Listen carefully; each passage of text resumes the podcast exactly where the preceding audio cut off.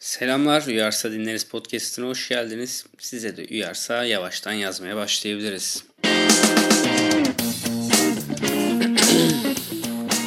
İyi mi abi? Girelim mi yavaştan?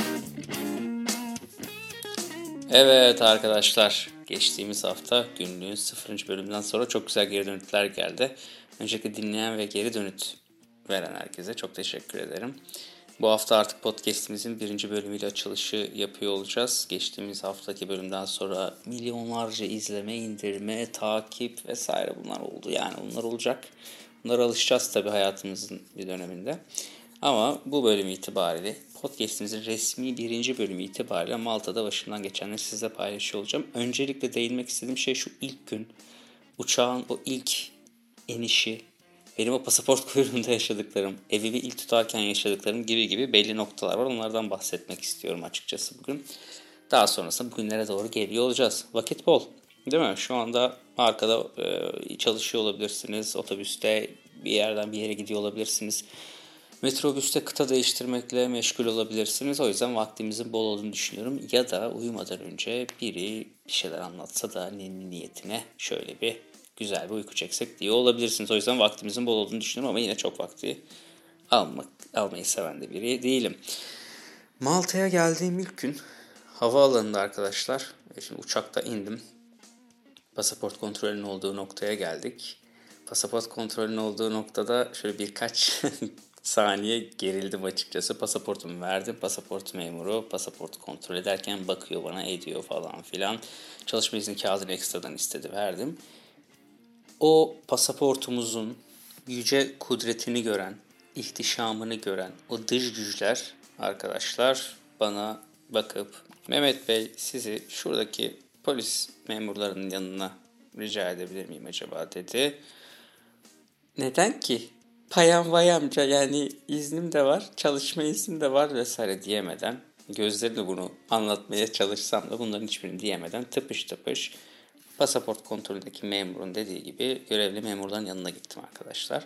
Daha sonrasında görevli memurlar bana Mehmet Bey merhabalar ee, sizin şirketinizi aramamız gerekiyor. Gerçekten sizin siz olduğunuza dair bir konfirm almamız gerekiyor. Daha önce hiç Malta'ya gelmemişsiniz ama çalışma izniyle gelmişsiniz.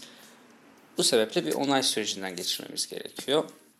Dediler eyvallah dedim. Son derece kibarlardı bu arada dış gücü olsalardı arkadaşlar kibar da olunabiliyor yani. Bekliyorum. Şirketin bilgilerini verdim. Telefon numarası vesaire arıyorlar. Ee, sonra şöyle bir etrafıma baktım. O Cem Yılmaz'ın dediği EU, non-EU others. Onlar kim ola ki ya? Dediği şeyi hissettim arkadaşlar. Yani şöyle benimle beraber bekleyen insanlara baktığımda biraz farklı hissettim. Kesinlikle yargılamak falan için söylemiyorum da Hani normalde eskiden anlatıldığı kadarıyla Avrupalı insan muamelesi görmeye yakın bir pasaport gücü olan ülkemizin acaba neden bu prosedüre bu sene tabi tutulduğunu anlamakta zorluk çektiğim için bunları söylüyorum. Bekledim arkadaşlar yaklaşık bir iki saat.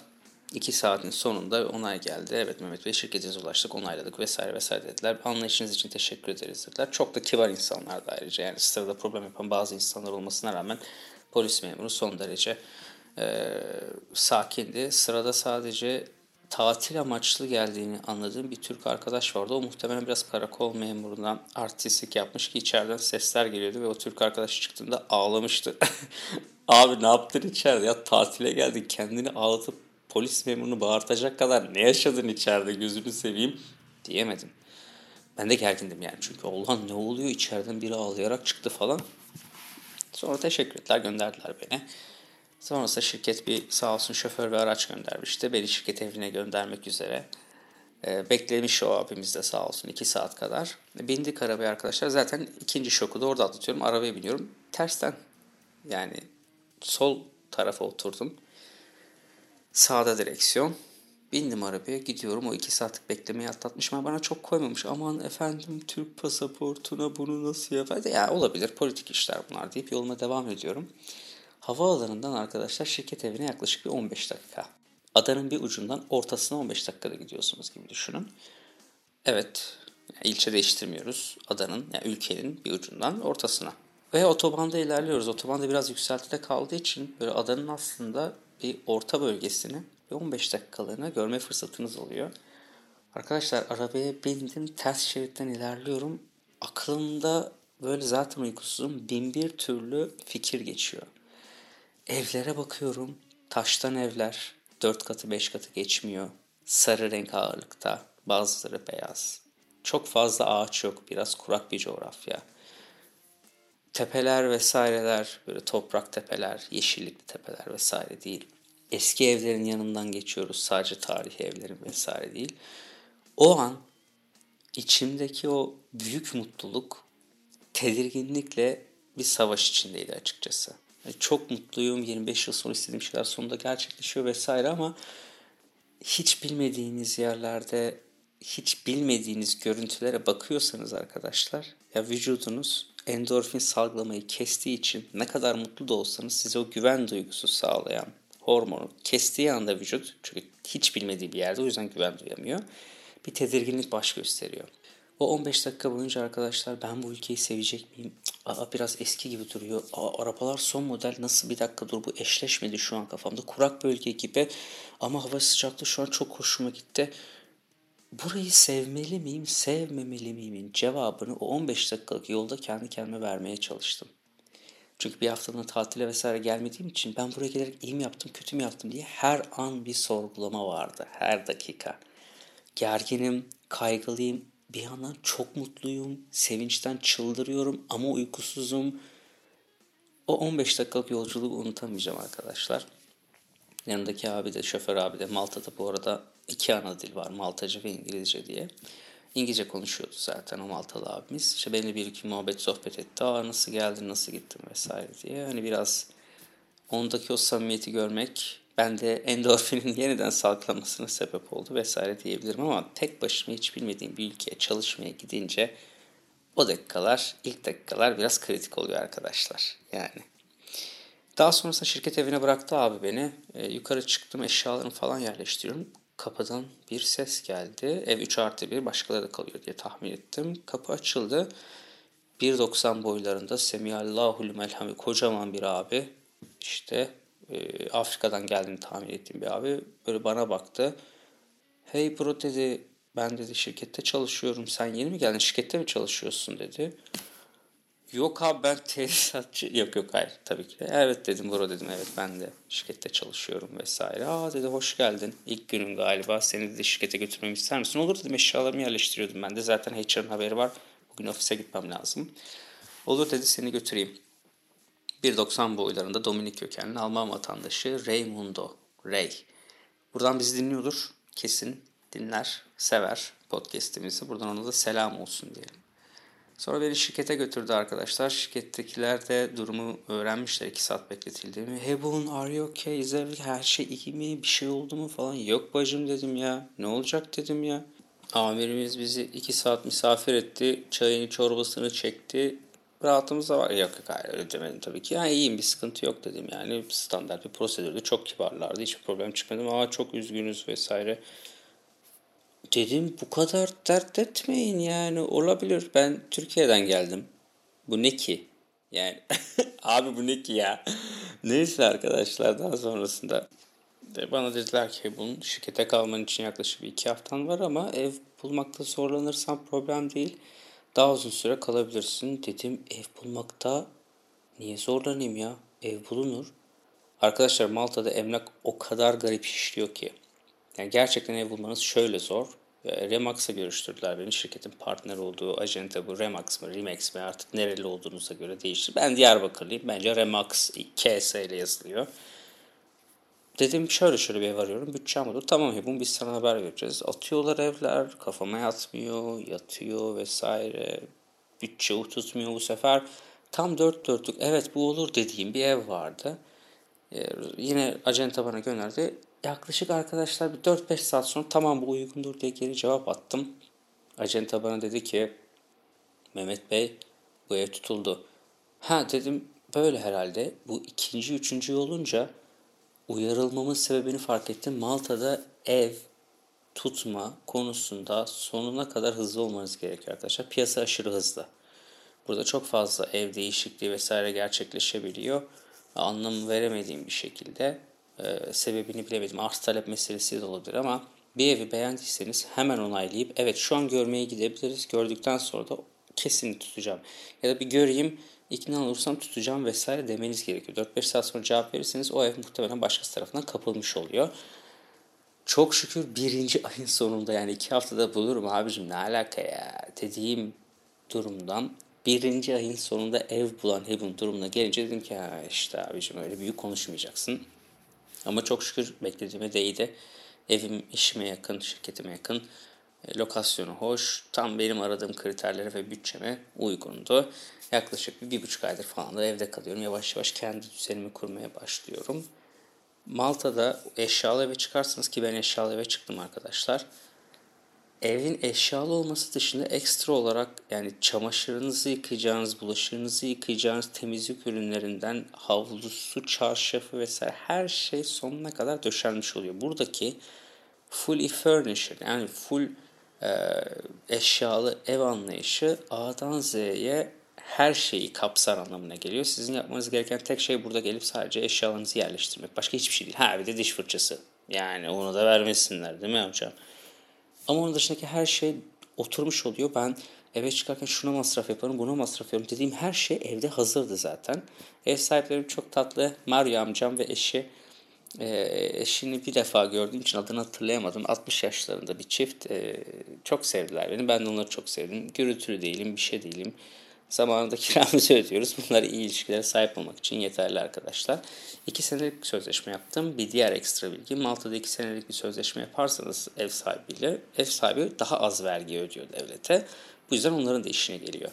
Ama yapılan sözleşmenin yarı süresi boyunca evde kaldığınız takdirde verdiğiniz depozitoyu geri alabiliyorsunuz. Yani 2 senelik sözleşme yaptım. Ben birinci yılın Üçüncü ayında çıkarsam depozitom yanıyor mu? Hayır yanmıyormuş arkadaşlar. Bu da güzel bir ekstra bir bilgi oldu. Hem ev sahibi kazandı. Vergisinden düştü. Hem de ben de e, ev sahibine ya iki sene kalırım ben bu evi seversem diye bir garanti vermiş oldum.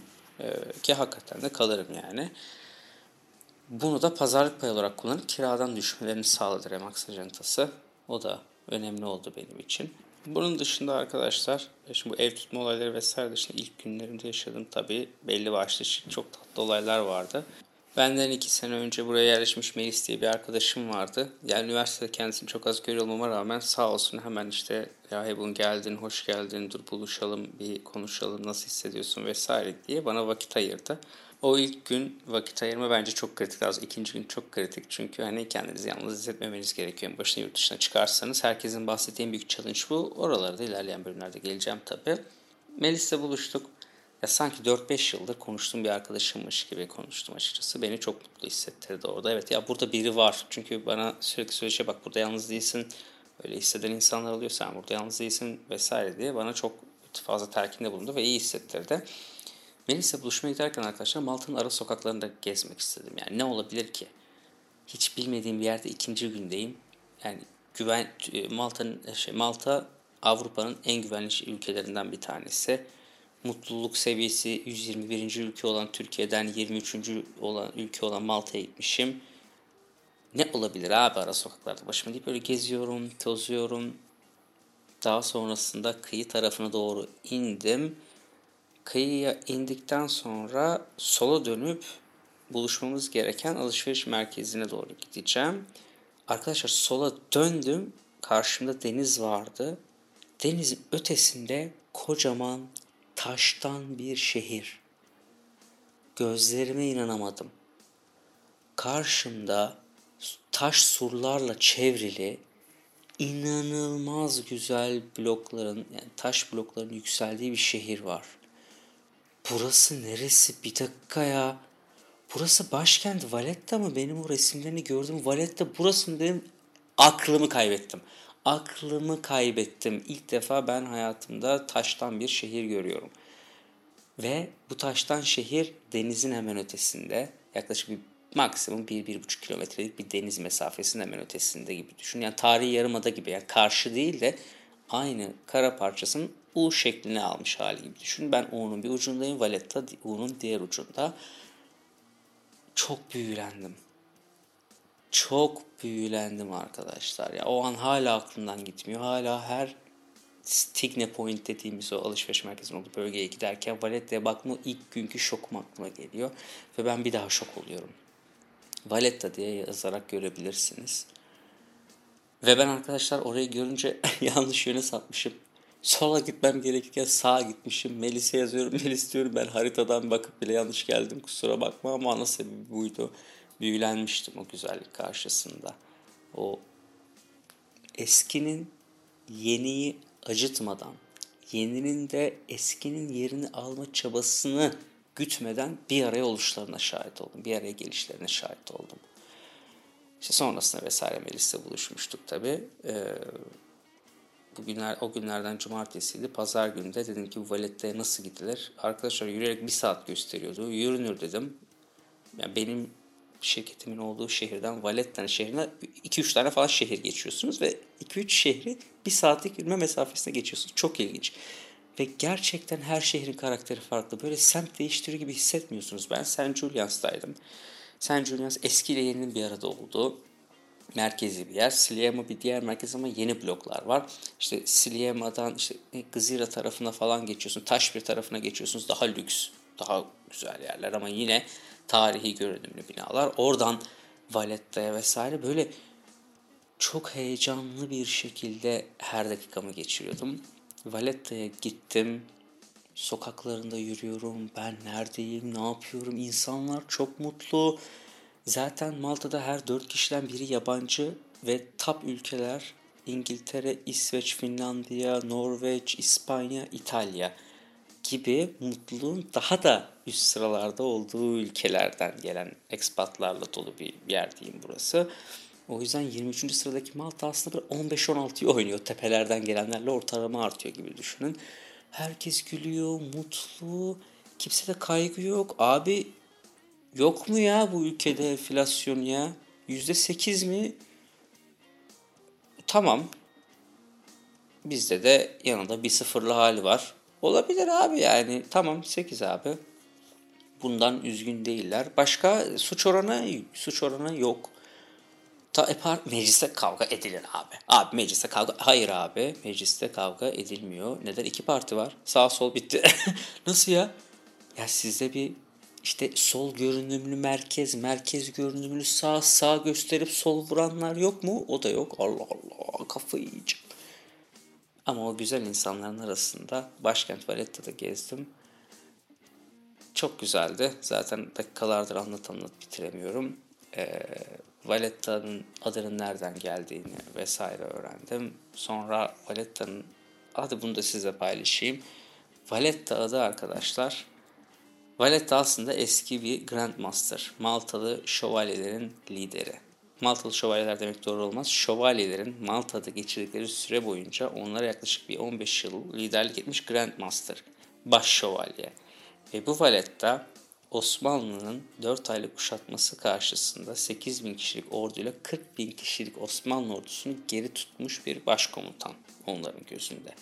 Ve kendisi hep Valletta'nın o anki konumunda hep bir şehir olmasını hayal edermiş. Ülkenin hem daha kolay korunacağını hem de lokasyon olarak çok iyi yerde, lojistik olarak da e, limanın dibinde olduğu için daha rahat ticaret yapılabileceğini vesaire düşündüğü için her zaman orada bir şehir olmasını istermiş ve projesi vesaire hazırmış. Osmanlı kuşatmasından sonra ömrü yetmemiş orayı görmeye. Kendisinden sonra onun başarılı savunması, onun işte 8 bin askeri 40 bin askeri ülkeden def edişi adına Valletta şehri yapıldıktan sonra adına o eski başkomutanlarının, Grandmaster'ların adını vermişler. Bu hikayeyi öğrendikten sonra ben iyice Malta tarihine düştüm. The Knights of Orders of St. John's in Malta kitabını bitirdim. Aa, ne kadar havalıdır değil mi? Ya yok ya. Maltalı şövalyelerin tarihi kitabı. İnanılmaz güzel. Sürekli bir Osmanlı ve Türkiye, Türk, Turks ve Muslims geçiyor. İçinde Türkler ve Müslümanlar geçiyor. Bunları da okudum. Onları da yakında size bahsediyor olurum arkadaşlar. İlk günlerim bu şekilde geçti. Ee, ev tutma hikayem, şirkete ilk gelişim, pasaport kontrolünde yaşadıklarım, o başkenti beni büyülemesi ve burada birinin olması gibi gibi ufak anekdotlara günlüğümüze yazdık. Bundan sonraki bölümlerde de kimlerle tanıştım, neler yaşadım, farklı hangi hikayeleri duydum, Malta'da gittiğim kafeler, barlar nasıldı, sokaklar nasıldı bunları aktarıyor olacağım. Size de uyarsa dinlemeye devam edebilirsiniz arkadaşlar. Yürürken, çalışırken, gezerken, tozarken. Haftaya Türkiye'ye dönüyorum. 3 haftada ne ya? Ne olmuş? Kılıçlar mı aday? Oldu mu o? Ekonomik ne oldu? Çok iyi.